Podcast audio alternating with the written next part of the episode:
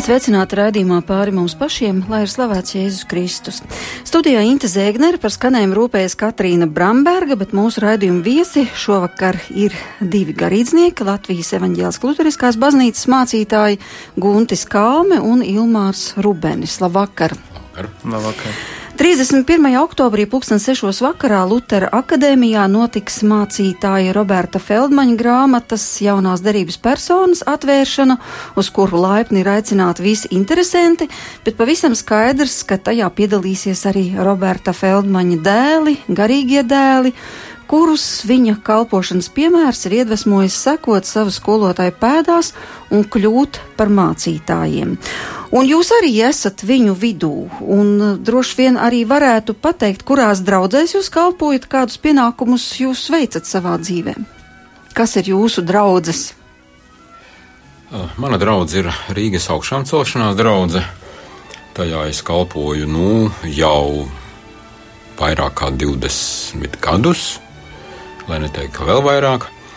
Un uh, līdztekus es kalpoju arī Lutera akadēmijā, kā pasniedzējs, un uh, nu, daru visu to, kas, ko vēl mācītājs šodienas situācijā Latvijai ir aicināts darīt. Tā kā bieži vien tiek aicināts uz dažādiem sabiedriskiem pasākumiem un tam līdzīgi. Augšām celšanās draugs atrodas kur? Augšām celšanās draugs atrodas lielajos kapos. Tiem, jā. kas vēl nekad tur nav bijuši. Tiem, kas nav bijuši, vai ne? Eh, brauciet ar 11 eh, tramvaju līdz Kazaram ielai, kāpiet ārā un nākiet iekšā lielajos kapos, un pēc dažiem desmitiem metru jūs ieraudzīsiet lielisku neogotikā būvētu skaistu celtni. Nāciet iekšā svētdienās pulkstenes desmitos laipni gaidīti.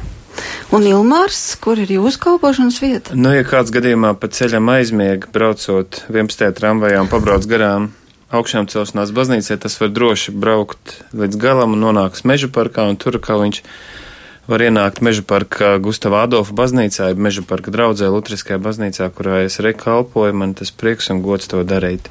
Un baznīca atrodas Roberta Feldmaņa ielā. Viens. Viens. Viens, tieši tā, jā. Mācītāja Roberta Feldmaņa vārdā ir nosaukta arī šī iela, un Meža parka baznīca bija arī tā, kur no 70. gadu beigām kalpoja Roberts Feldmanis.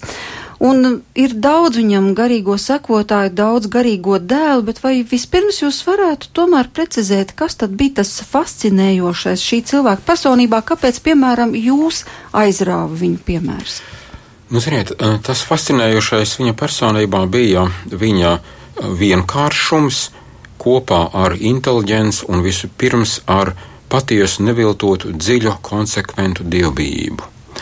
Un šī kombinācija bija tik ārkārtīgi unikāla, kas, eh, nu, ja tā varētu teikt, no viņa mirdzēja jau pa pietiekoši lielu attālu, un to nevarēja nepamanīt.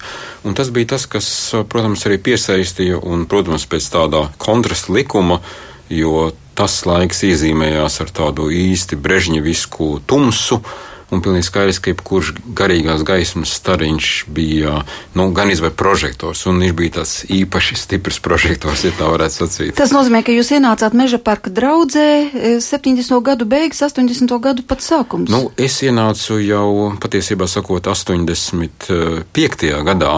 Un arī tikai tādas nu, dieva jaušības uh, rezultātā, ja tā varētu sacīt. Nu, tā. Mm, un Ilmārs? Nu, man ienākšana ir stipri vēlāk, tas ir 90. gadi. Es varētu teikt, piedzīvot, um, uh, ko mēs saucam par tos garīgās atjaunošanās un tādas uh, iekšējās baznīcas atzimšanas, kas no laiku, kas norisinājās meža parka baznīcā, to beigu, to posmu. Es redzēju to noriet, varētu teikt, no tās garīgās atmodas, kas notika mūsu baznīcā un meža parka draudzē to, to izskaņu ko Dievs bija pieļāvis un ar ko bija svētījis mūsu baznīcu. Jā, es ienācu tad, kad Feldmans jau kalpoja, piedzīvoju tos laikus, kad uh, vienā dievkalpojumā bija astoņi mācītāji, kas tie bija dievkalpojumi, kur uh, vienmēr sākās ar papildus krēslu ienešanu. Tas, man liekas, vēl mūsdienās būtu ļoti tāds, mm, nu, kaut kas īpašs, ja? bet toreiz meža parkā tas nebija nekas īpašs, kad uh, gan krēslu ienešana, gan daudzie garīdznieki, bet jau pēc pāris gadiem tas vienkārši tika pārtraukts, ko savulaik mācītājs Feldmans teica, Dievs to straumīti svētības straumīt bija atvērts un savu laiku viņš bija aizvērts. Bet kāds tam bija nolūks un kāda bija Dieva, Dieva tā providence, tas jau ir cits jautājums. Jā. Es domāju, ka tur nebija tā aizvēršana, drīzāk bija tas, ka tie garīgie dēli tika sūtīti kalpošanā. Jā, jā. Tā nebija sanatorija, jā. tas nebija domāts tā teikt priekš viņiem vien. Viņi tika tur sagatavoti, un pēc tam, tā teikt, Dievs viņus sūtīja tālāk. Tā kā, nu, tāda viedokļa viss pareizi, tas viss ir saprotami. Ja? Mm -hmm. nu, tā. Jūs sacījāt, ka šī cilvēka personība jau tā kā staroja pa gabalu, un viņai bija tāds īpašs pievilkšanas spēks, bet caur ko? Vai jūs tomēr varētu konkretizēt? Caur īpašo kādu veidu, kā viņš eh, teica, svētru, nu, vai kas bija tas vēl bez tā ārējā veidola? Nu, tas ārējais veidols patiesībā sakot bija vienkārši un necils. Uz ielas jūs viņam varētu vienkārši paiet garām, nu, izņemot tikai to, ka viņam bija tas, ja tā varētu teikt, no vienas puses tas veci cilvēki jau tā kā tāds sagumums, un arī pašā laikā tas iekšējais staltums, kas tā kā savdabīgi kontrastē, un, protams, tas viņa ārkārtīgi aristokrātiskais uh, cildenums, ar kādu viņš mēdza kaut vai paskatīties vai pasakīt kādu vārdu, nu, tas, tas atstāja tādu, protams, īpašu ies, iespaidu.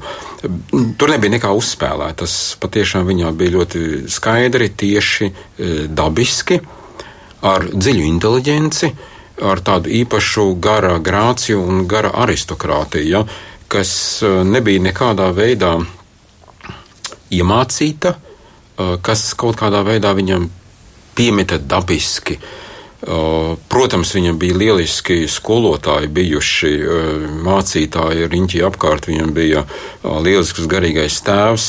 Grūti pasakīt, no kā viņš būtu pārmantojis, ja? bet visa tā vide, kurā viņš auga jau, ja? acīm redzot, to nosacīja un neapšaubām kāda īpaša dieva svētība. Bet tas, kas īpaši viņā piesaistīja, manuprāt, bija tas vienkāršība kopā ar dziļumu, kas nāca no nu, tādas konsekvences viņa ticībā. Ja viņš kaut ko sacīja, tad pilnīgi droši varēja just, ka viņš pats ir to pārbaudījis, ka viņš zina, ko viņš saka, un zina no savas dziļas, pamatotas, izsāpētas, tiešas pieredzes, kā viņš teica, nu, vienmēr tiešā konfrontācijā. Un šī tiešā konfrontācija viņam bija bijusi ne tikai ar Kristu, bet arī ar ļauno garu, čekistiem, uh, koncentrācijas nometni, nodevību, uh, dažādām viltībām, intrigām pret viņu, un arī pašā laikā viņš ar šo savu tiešo, skaidro nostāju ir bijis ne tikai pasargāts, bet arī vienmēr izgāja tā kā tāds garīgais uzvarētājs. Protams, viņam bija grūtību un depresiju brīži, bet es redzēju, ka viņš arī tajos brīžos tā iekšēji saprinājās, Un tad viņš teica, ir, jārauja, ir jāraujas no tā ārā. Un viņš burtiski tā saslējās, un varēja just, ka viņš pat tā nu, iekšēji no tā raujās ārā un, un, un arī izraujās. Un tā kā tas viņš vienmēr bija kā tāds paraugs tam, ka tā iekšējā brīvība, tā neatkarība no tiem ārējiem apstākļiem, kas, protams, bija nospiedoši, viņš arī mūža beigās tieši dzīvot tādos monstrozos apstākļos, viņš tomēr prata tam būt pāri. Un tas bija tas, tas iekšējais spēks, kas viņā bija tas, kas bija tas, nu, tas, tas uzvaras spēks, kas bija tā akumulētā uzvara cauri visam mūžam, nu, kas bija bijis ļoti garš, bagāts, grūts, protams, daudziem, daudziem pārbaudījumiem pilns. Un, protams, daudziem bija dieva brīnumiem un zīmēm, jo tad, kad mēs viņu sastapām, viņš jau bija nu, savā mūža norietā, un jebkurš cits cilvēks izgājis cauri tam, kam izgājis viņš būtu varējis arī, arī nedzīvot tik ilgi. Ja? Bet eh, kāds no viņa kolēģiem, profesors Roberts Akmentiņš, uh, sacīja par šo paudzi. Viņš sacīja, mēs dzīvojam no klāt pie liktiem gadiem. Un viņš bija tieši tāpat kā profesors Feldmanis, tos 910. gada dzimuma, abi divi no viena gada, abi divi izcili katrs savā īpašajā veidā. Un uh, to pašu, ko viņš sacīja par sevi, droši var sacīt arī par profesoru Feldmanu, un tāpat arī par daudziem citiem šī gada gājumu cilvēkiem, kurus mums bija gods un privileģija pazīt un, un būt viņu tūmā. Un tas bija kaut kas īpašs. Un, nu, Jā, bez viņa man ir grūti iedomāties, patiesībā sakot, sevi. Es, es nevarētu iedomāties, ka es būtu mācītājs. Gan jau, protams, būtu Dievs atradis cits ceļus, vai ne? Bet, bet šis ceļš manējais bija jāsaka caur viņu. Bet es domāju, ka paturpinot mācītāju guntu, to sacīto, ka viņš, viņam būtu grūti iedomāties, kāds viņš būtu bez Feldmaņa, uh, uh, un kas ir tas īpašais, kas pievilka. Es domāju, ka uh, reiz mūsu baznīcas arhibīskaps teica šos vārdus, ka faktiski mūsu baznīca, ja kāds cilvēks vēlas viņu saprast vai iepazīt, ja, uh, to, to faktiski nav iespējams izdarīt bez apējot mācīt Robertu Feldmaņu. Vēl, vēl stiprāk, kāds somu som mācītājs, vēsturnieks, teologs Joko Talunens teicis, ja kāds vispār, ka, ka Roberts Feldmans ir mūsu baznīcas atslēgas persona vispār kā tāda, jo viņa kalpošanas mūžs ietver gan visu mūsu baznīcas pastāvēšanas mūžu, tās veidošanos un, at, un caur viņu notika, kas ir tas īpašais fenomens, fenomens es gribētu teikt, man, man šķiet, tas lielais, mm, kas pievilk tos cilvēkus. Ja? Tas tādā garīgā nozīmē varētu teikt, tas dieva svaidījums. Jo, redziet, jo ļoti daudz jau ir mums baznīca ir svētīta ar daudziem izciliem mācītājiem, tiešām, kas ir bijuši izcils prediķotāji vai liturgi vai, mm, vai garīgie tēvi vai padomdevēji. Nu, tā, bet uh, Feldmaņa īpašais ir tas, ka uh, ilgus gadus viņš ir kalpojis Ilgus gadus viņš ir kalpojis tiešām tukšā baznīcā, bet, kā mācītājs Kalma teica, konsekventi kalpoja ar visu savu dzīvi Kristum un piederēja baznīcai. Un Dievs, varētu teikt, ka Dievs izvēlējās šo biblisko, luterisko, konservatīvo mācītāju, lai caur viņu un ar viņu, eh, caur viņu mūsu baznīcā veiktu garīgo atmodu. Eh, kādu garīgo atmodu, proti, eh, viņa mūžs vainagojās un kas viņu padara par mūsu baznīcas īpašo cilvēku, ja varētu teikt, baznīcas tēvu, kā mēs varam droši teikt, un iziet no, no mūsu latviskā kautrīguma paiet malā. Tas, ka viņam bija citu mācītāju starpā, viņam bija šie mācekļi, jeb garīgie dēli. Un tas ir tas, kas mūsu baznīcu iz, eh, izmainīja līdz pat pēdējiem, jo tie garīgie dēli, kas bija eh, ap Feldmanu, vēlāk eh, aizgāja kalpot mūsu baznīcā, un tas arī bija tas Dieva svaidījums, ko Dievs deva, kad vienā gadā, kad mūsu baznīca atguva tevis simts dievnamus, un tagad paceļās vienkārši jautājums, kurš tad ies viņos kalpot, un hei, šajā garīgā atmodā Mm, kas notika Mežparka baznīcā, bija tie daudzie garīgie dēli, kas astoņi stāvēja viens pie otra pleca un grūstījās varbūt, ja, visi viņiem pēc pāris gadiem viņiem sekoja Dieva aicinājums kalpot visā Latvijā, un tā mūsu baznīcā bija, tā nebija jautājumu. Te pat ienaidnieku pievārtē, ienaidniekam pie kājām, uh, Dievs audzināja jaunos mācītājus, un tas bija tas pie mūsu baznīcas tēva Roberta Feldmaņa meža parkā, jā. Un tas ir tas, kas pievilks, domāju, tas dieva svaidījums, kas, ko grūti ļoti reizēm vārdos ir aprakstīt, bet uh, profesora Weber's Felmaņa fonds to ļoti, ļoti cenšas nodot tālāk, kā mūsu baznīcas ļoti dārgu, dārgu un vērtīgu. Ne tikai baznīcas, jo tālāk šie cilvēki ietekmē visu mūsu valstu un tautu sabiedrību.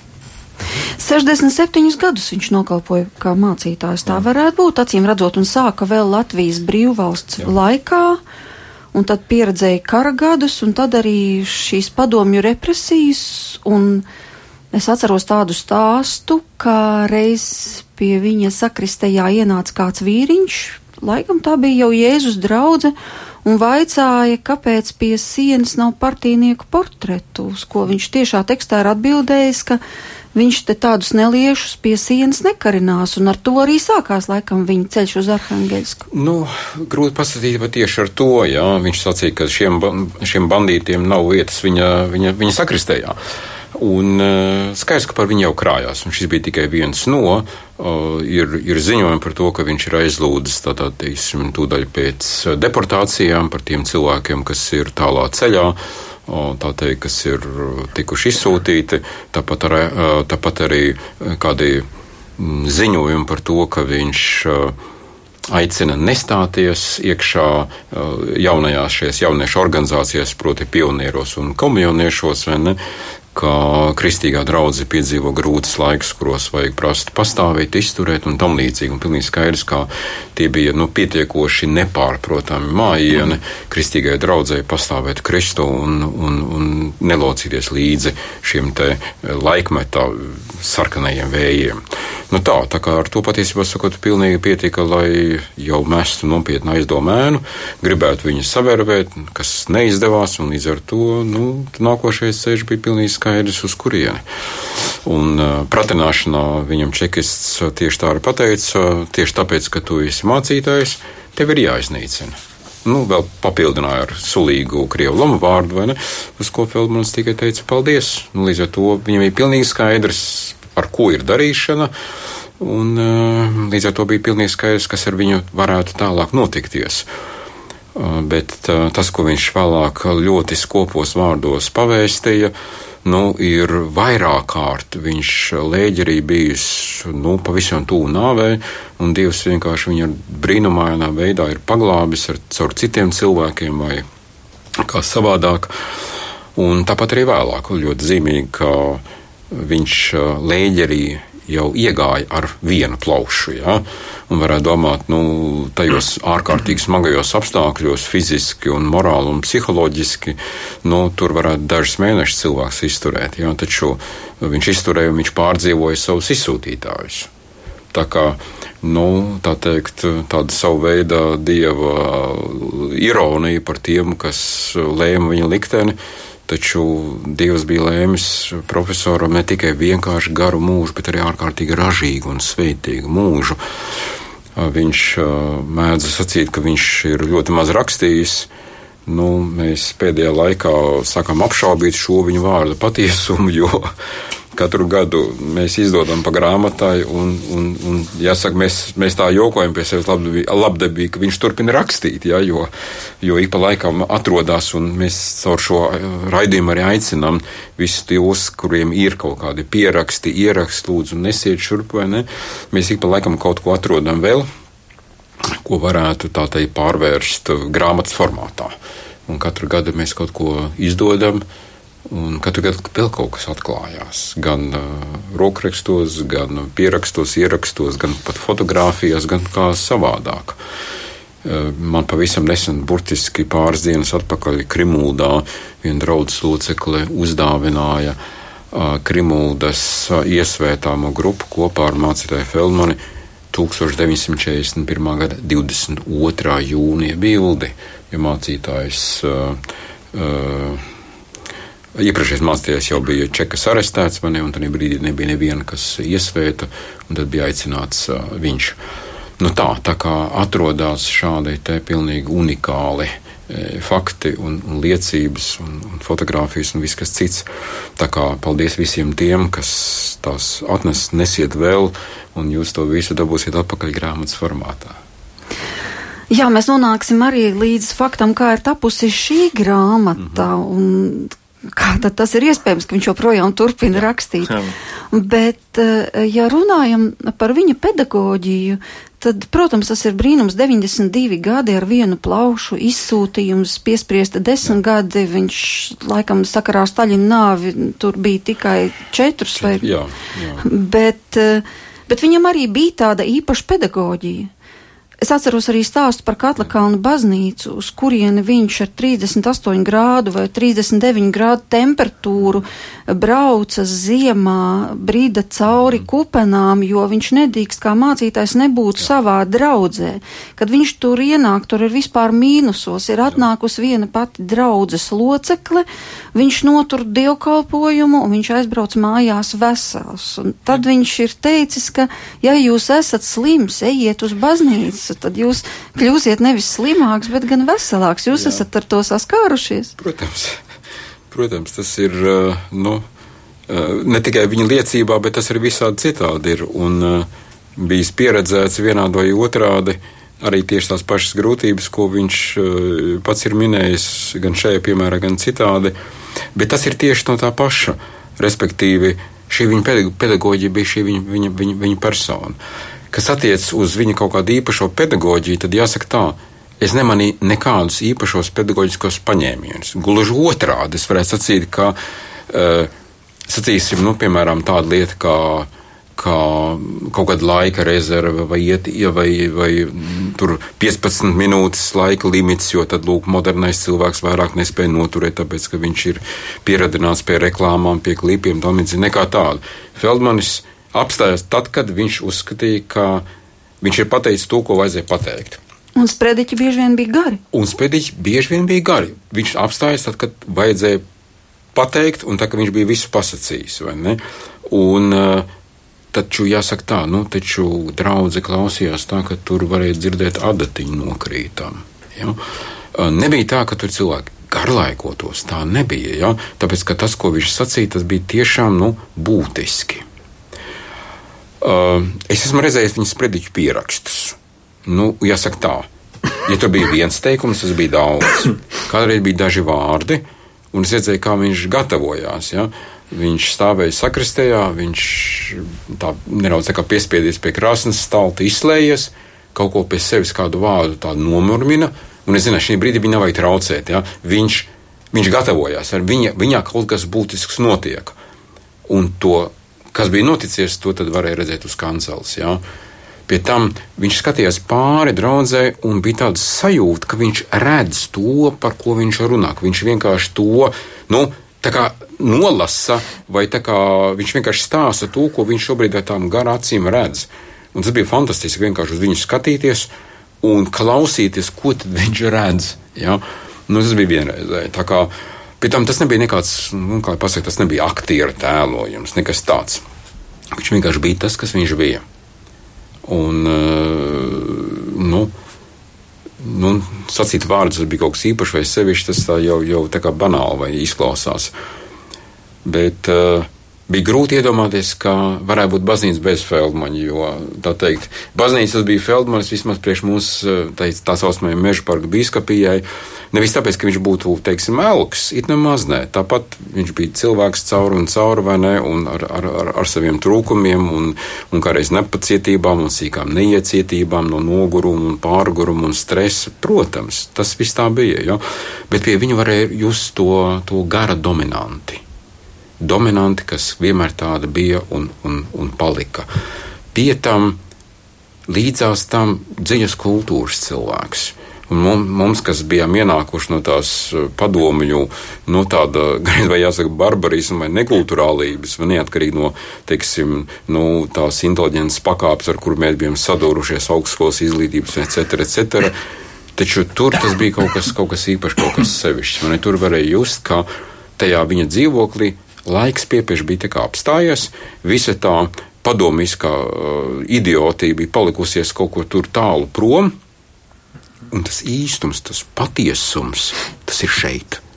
Un tādai, kādai ir jābūt dzīvei, kristīgai dzīvei, kristīgai civilizācijai, tā ir šeit, šajā mazā oāzītē. Un tad burtiski tas, tas, tas iespējas vēl vairākas stundas pēc tam bija kopā ar tevi, izgāja ārā. Un tu domā, bet, bet kas tāds īpaši ir noticis? Nu, it kā tādu neko nevar minēt, ja?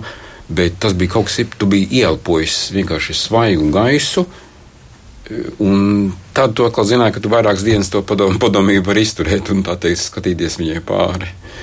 Nu tā. Jā. Es tagad, ja Jā. varētu vēl paturpināt vispār par to fenomenu, vispār par Feldmanu. Daudz ko mēs varam runāt pagātnes formā, bet uh, Vien, ir vairākas lietas, kas viņu padara joprojām aktuāli, īpaši arī šodien. Varētu, ja, piemēram, nu, tāda lieta, mēs varētu varbūt caur joku nedaudz teikt, mm, nu, tagad mums uh, luterāņiem ir savs aizbildnis debesīs. Ja?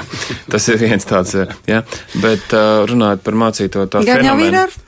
Jā, kāpēc viņš tik īpaši, kāpēc viņam to mantojumu vajadzētu saglabāt? Ja to atdalīt nedaudz no sabiedrības un Latvijas, tad, teiksim, vismaz mācītājiem, kas ir bijuši viņam līdzās, es esmu ievērojis, ka pie saviem amatu brāļiem, kas varbūt nav satikuši Feldmani, kuri nav gājuši viņu, cauri viņa garīgai skolai, kādreiz ir bijuši tādi, radās tādi jautājumi, kuri man likās, bet tas taču ir pašsaprotams.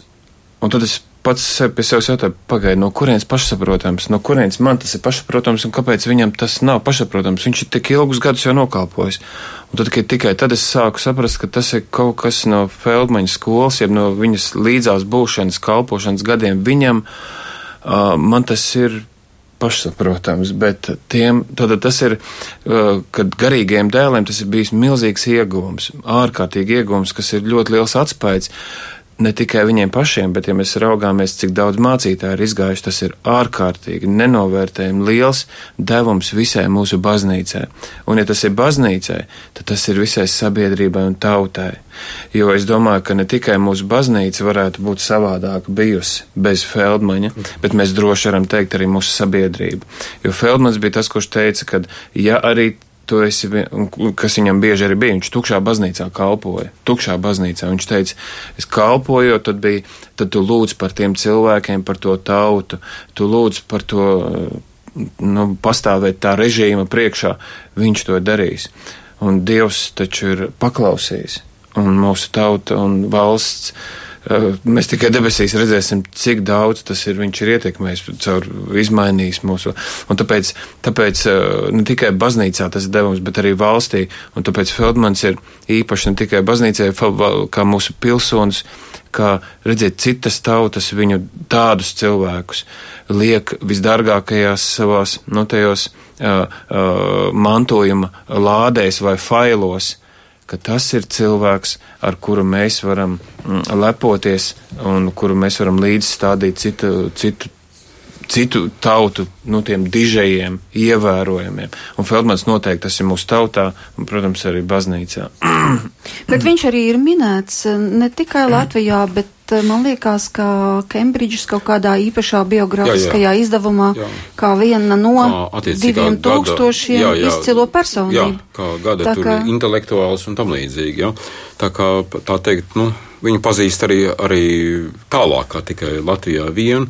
Un ļoti zīmīgi, nu, parasti jau bija tā, ja mēs 80. gadu beigās, 90. gadu sākumā satikām kādu ārzemju viesu, kādu mācītāju vai ko, bija skaidrs, uz kurien viņi vest, vai ne? Tad pirmais bija pie profesora Feldmaņa, vai ne? Un līdz ar to tie viņa kontakti veidojās tik ārkārtīgi da daudzi, bieži, e, it kā dabiski, nu, viņam pašam tur nevajadzēja vairs braukt vienkārši tie viesi tika atvesti pie viņa. Un tam viesim tas bija liels gods, ja, ja viņš varēja satikt profesoru Feldmanu ne tikai vienreiz, bet varbūt arī, arī, arī vēl kādas reizes. Ja. Bet cik tad viņam ir to garīgo bērnu? Jūs esat daudz maz norintējušies, cik viņam ir garīgo dēlu? Nu, tas ir, Skaidrs. redziet, teiksim tā, nu, nav neviena tāda skaidra iznaisa kritērija, ja, pēc kā varētu to pasakīt. Ja. Nu, viens, teiksim, ja cilvēks pats sevi par tādu atzīst vai identificē. Ja? Nu, līdz ar to mēs neesam tādas birkas eh, kāruši klāt, esi vai neesi, cik lielā mērā vai kā, jo nu, caur viņu rokām gāja ļoti daudz cilvēku. Ja? Līdz ar to teiksim, tā ietekme, uz kuru vairāk, uz kuru mazāk. Ja? Bieži vien bija tā, ka tu atnāc tur jau kāds priekšā sēdēja, un tu aizgāji tikai tāpēc, vien, ka tu redzēji, atnāk, atnāk kādu citu cilvēku, un pilnīgi skaidrs, ka viņam tajā brīdī vai viņu vairāk nekā tev, vai ne? Ka tu esi jau pēdiņās savu feldmaņa porciju dabūjis, vai ne? Dodies prom, citi cilvēki ir atnākuši, ja? Un kādreiz bija tā, ka pie viņu, teiksim, cilvēki ir jau no pulkstens astoņiem, un pēdējais aiziet kaut kur pēc pulkstens divpadsmitiem. Bet cēlās viņš četros no rīta? Jā, jā, un viņš teica, kādreiz viņš saka, nu, kādiem jau pulkstens astoņi no rīta ir vēl, vēl tikai rīts, vai ne? ne tā kā, jā. Jā, un jā. par sevi viņš arī mēdz pairunazēt. Man liekas, ka Ilmār tas bija ar jums, kad jūs jautājāt tēvs, kā jums ir ar veselību. Viņš esot teicis, redzi dēliņ, tas, ko tu sauc par veselību, man jau 30 gadus kā vairs nav. Mm. Jā, jā, tā, tas tā bija, jā. Bet tas ie, ieguvēja no viņa ir. Um, nebija tikai patiesībā, nu, kā mēs varam skatīt viņa garīgos dēlus. Viņš ir izmainījis mūsu baznīcu līdz pat attālākai mūsu mazākajai draudzītē. To teicis ir arhibīskaps, un tas bija viņa vērtējums, un tas ir uh, kaut vai tādās lietās, ko tagad uzreiz bez aizķeršanās var nosaukt die, uh, svētais vakarēdienas katru dievkalpojumu. Tas ir Feldmaņa liturģiskie dziedājumi, psalmu dziedājumi vai, vai svēto rakstu lasīšana. Ja? Uh, vispār tas ir, tas ir tas, ko caur viņu tas ir ienācis iekšā un to bauda ne tikai mācītāji, bet to jau tā ir ikdiena katram draudzes loceklim. Jā, un tagad par tiem pierakstiem, ko jūs turpinat izdot, kaut gan mācīties Feldmanis aizgāja mūžībā 2002. gadā, bet redziet, tagad atkal nāks klajā jauna grāmata. Tad kā jūs tiekat pie tiem pierakstiem? Nu, redziet, tie pieraksti tā teikt paši atnāk, ja tā varētu sacīt. Nu, piemēram, šai grāmatai uh, jaunās derības personas. Jā, šai grāmatai nu, tā, tā pozitīvā ironija bija, teiksim, tas viss sākās ar to, ka bija manuskripts, kuru mēs izdevām 2009. gadā. Tā bija Evanģēlis Lūdzīskā baznīca un dievkalpojums. Mēs nezinājām, kas bija viņu pierakstījis. Mēs pirmajā izdevumā ierakstījām un kādas nezināmas gādīgas rokas izdarījušas. Tik mēs viņu prezentējām. Pienāca vecāku kundze klāta, māja Meldrājas kundze no Mēršpāka draudzes un teica, nu, es tā biju. Mm -hmm. Un tad mēs nākošajā izdevumā, kas bija tajā pašā 9. gadā, mēs uzreiz zinājām ielabot. Un tad, protams, bija tas nākošais, bet varbūt vēl kaut kas ir. Un jā, ir. Un e, tad mēs sapratām, ka tāda lieta kā mājaslapa ir jāatver, un tad mēs paironizējam, ka tagad profesoram ir jauna adrese, vai ne? Viņam ir tagad robertsfeldmans.lv, vai ne? Tad, kur viņš ir sastopams gan manuskriptos, gan jau izdotajās grāmatās, gan audio ierakstos, jā. Jūs varat atrast tur audio ierakstus, tas ir fantastiski, tā teikt, varat dzirdēt profesoru vēl joprojām dzīvajā, vai ne? Fotogrāfijas dažādas memorabilijas un kas viss vēl ne. Un tas tiek nepārtraukti papildināts, un cik mēs esam jautājuši šīs lapas administratoram, mācītājiem Mārim Ziemelim, ja, tad to klikšķu skaits ir, ir kaut kāds ārkārtīgi liels. Tas nozīmē to, ka cilvēki apmeklē, cilvēki meklē, ieskatās, ka viņus tas interesē. Bet šajā grāmatā es tik cik jau jā. paguvu izlasīt, uh, tur ir apkopot viņas prediķi. Jā. To, jā. ko viņš ir teicis par jaunās derības personām. Jā. Un tas ir interesanti, ka tā, tie nav tikai apstuļi, tie, tas ir arī Hērots. Jā. Jā, jā. Tas ir arī. Nu, Viņam tas šķita interesanti. Un, ar, jā, kaut ko ārkārtīgi svarīgu un nozīmīgu. Ja? Proti, ka šajos cilvēkos vienā vai otrā veidā atmirdz Kristus.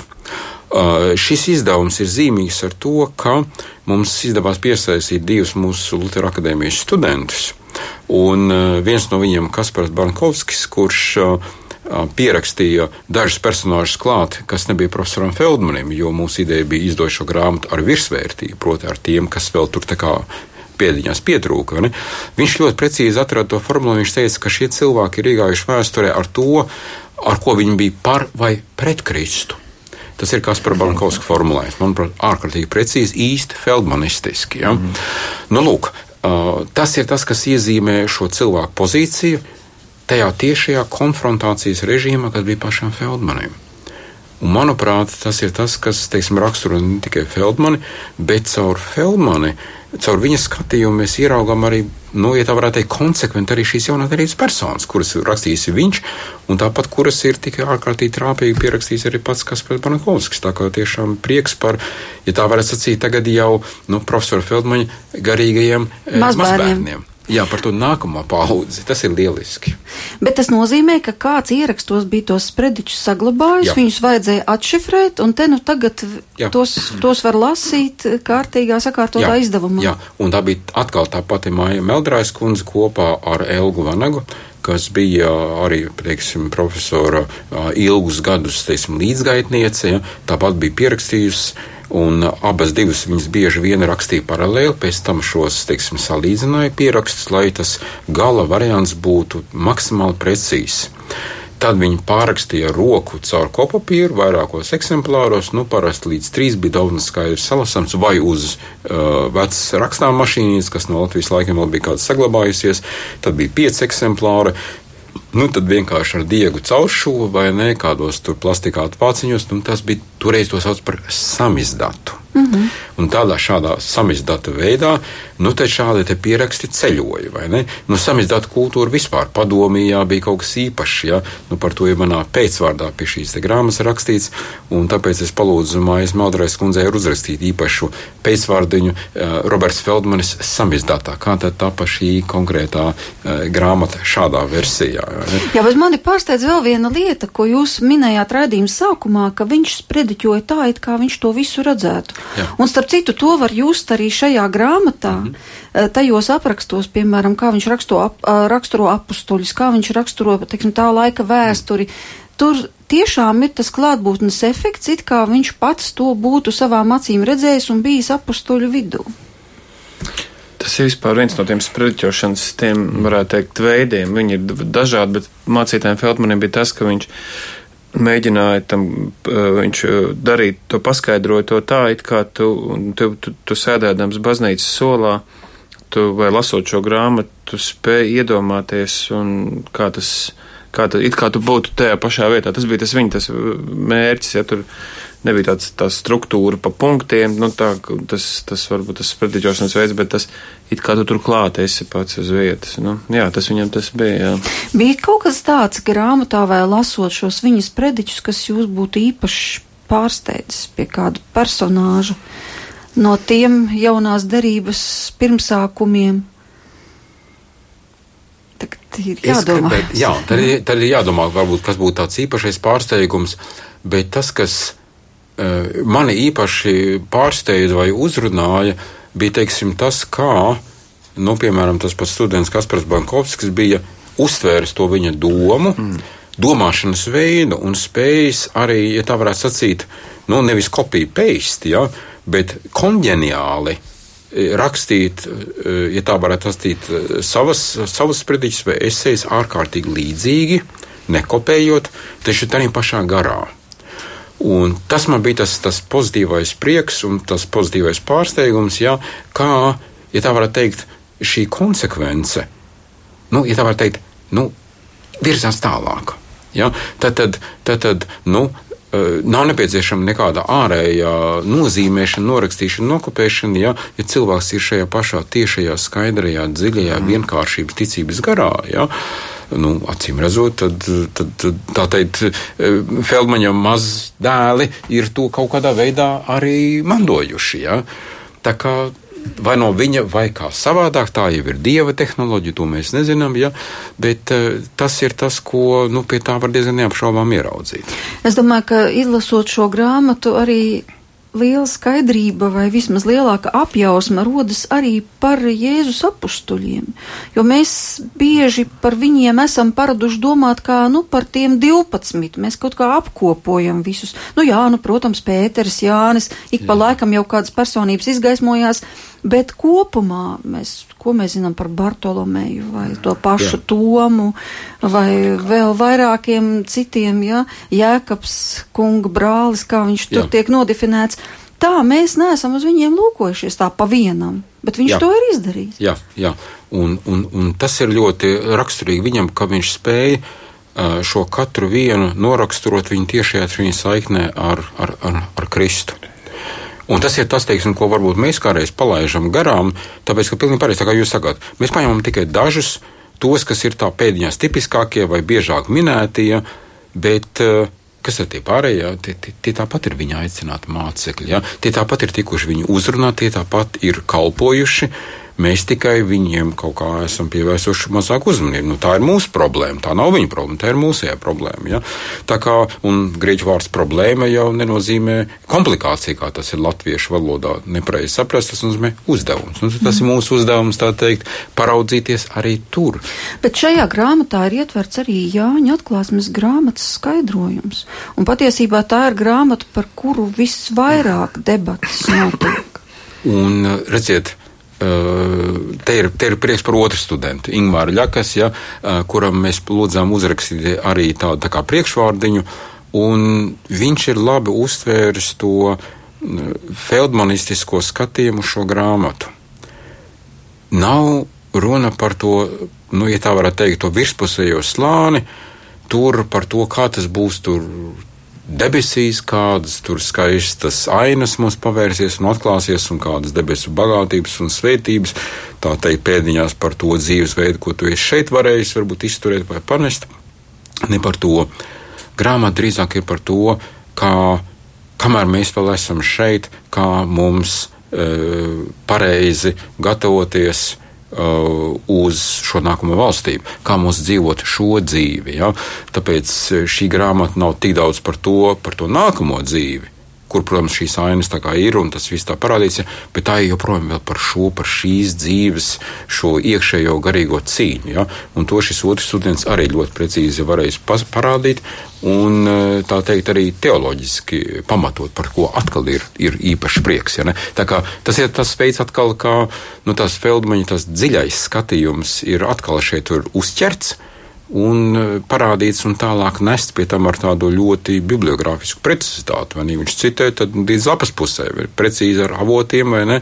Tā kā arī tu tā e, Feldmaņa e, vēlme un precizitāte pēc tāda dokumentējuma, arī tas šeit ir uztverts. Tā kā nu, par tiem abiem studentiem man ir īpaši prieks. Un tas ir šīs grāmatas arī tas īpašais šarms, ja, ka tā ir tā nu, nākamā paudze, kas viņu sejā nav skatījusi, taču ir to viņa garu ir acīm redzot uztvērus, un par to tas īpašais prieks.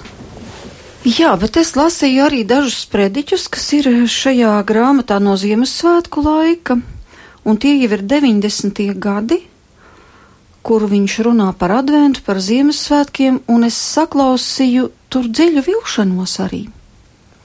Par to, ka Tagad ir atgūta brīvība, bet mūsu tautas koks stāv ar sakautušām lapām un nespēja to dzīvinošo avotu sevī uzņemt un redziet, kas notiek.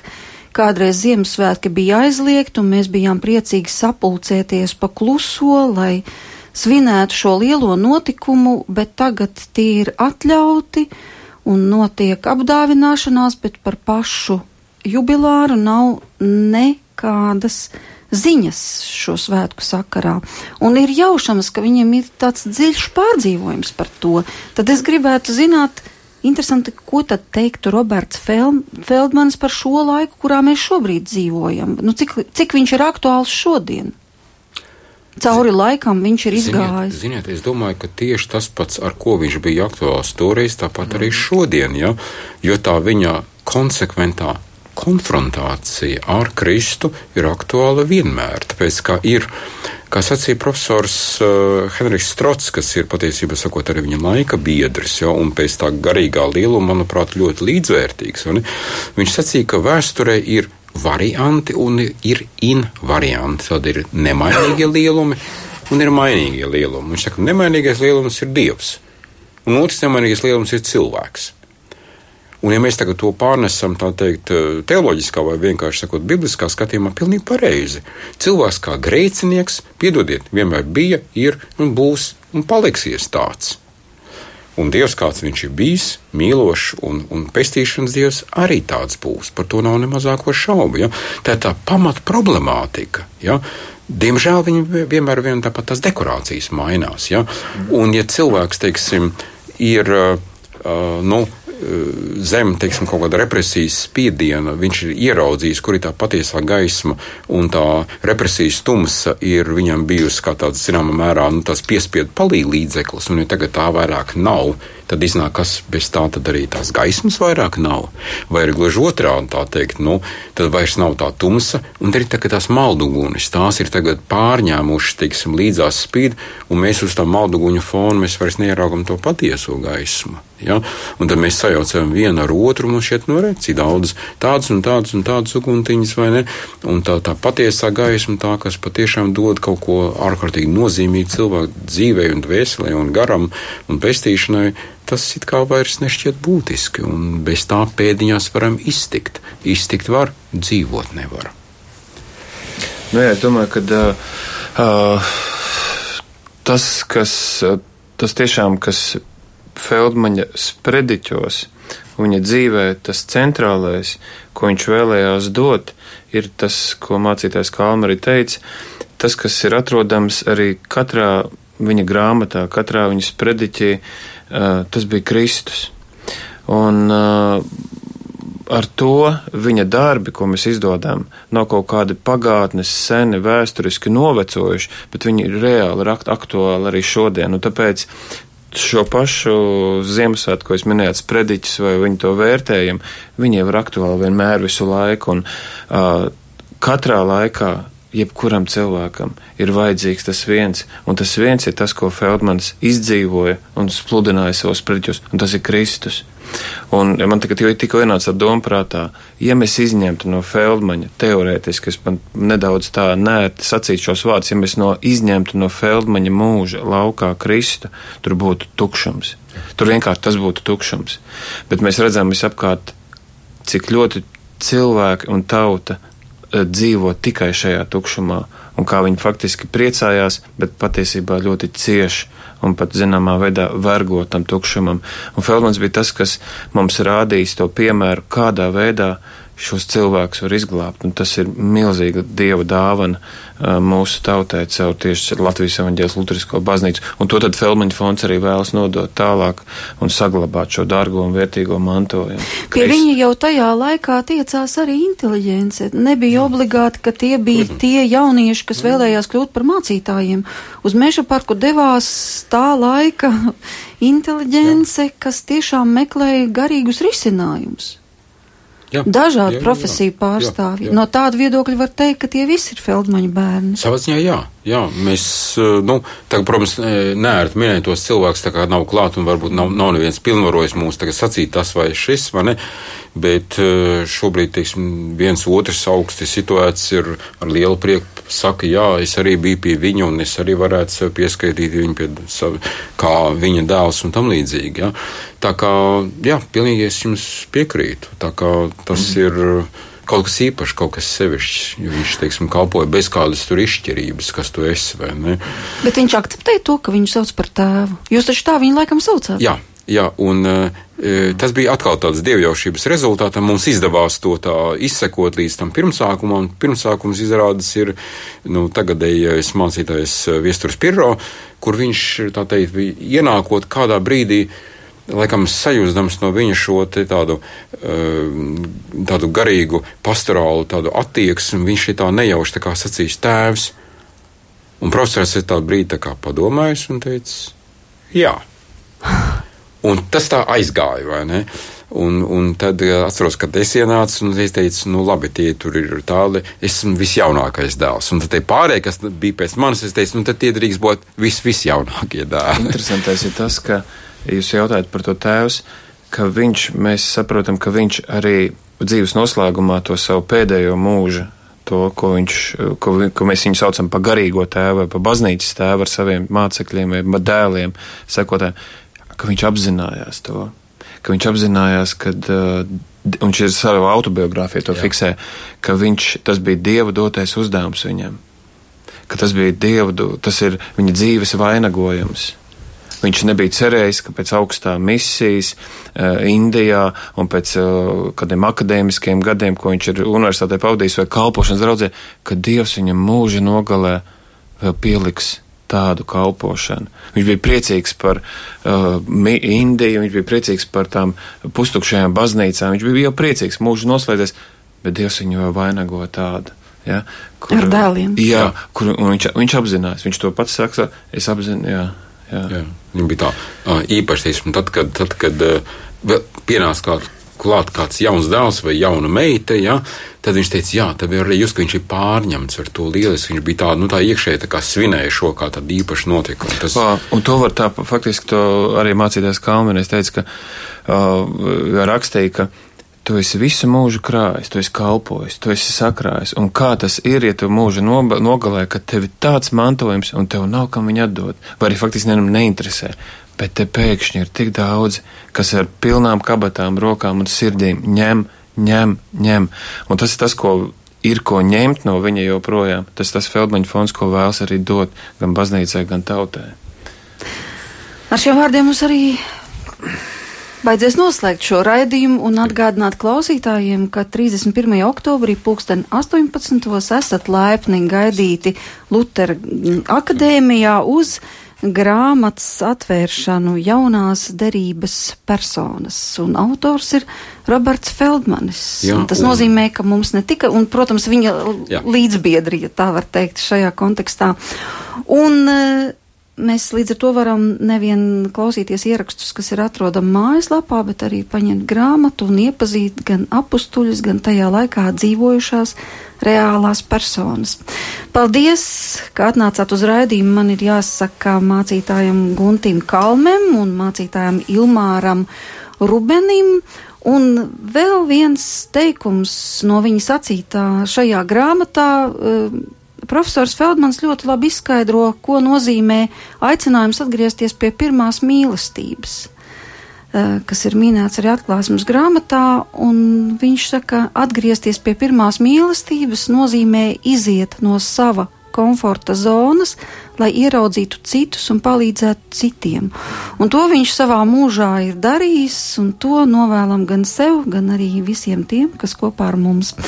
Paldies, ka šovakar bijāt kopā ar mums, un šajā raidījumā studijā bija Inta Zēgnere, par skanējumu rūpējas Katrīna Bramberga.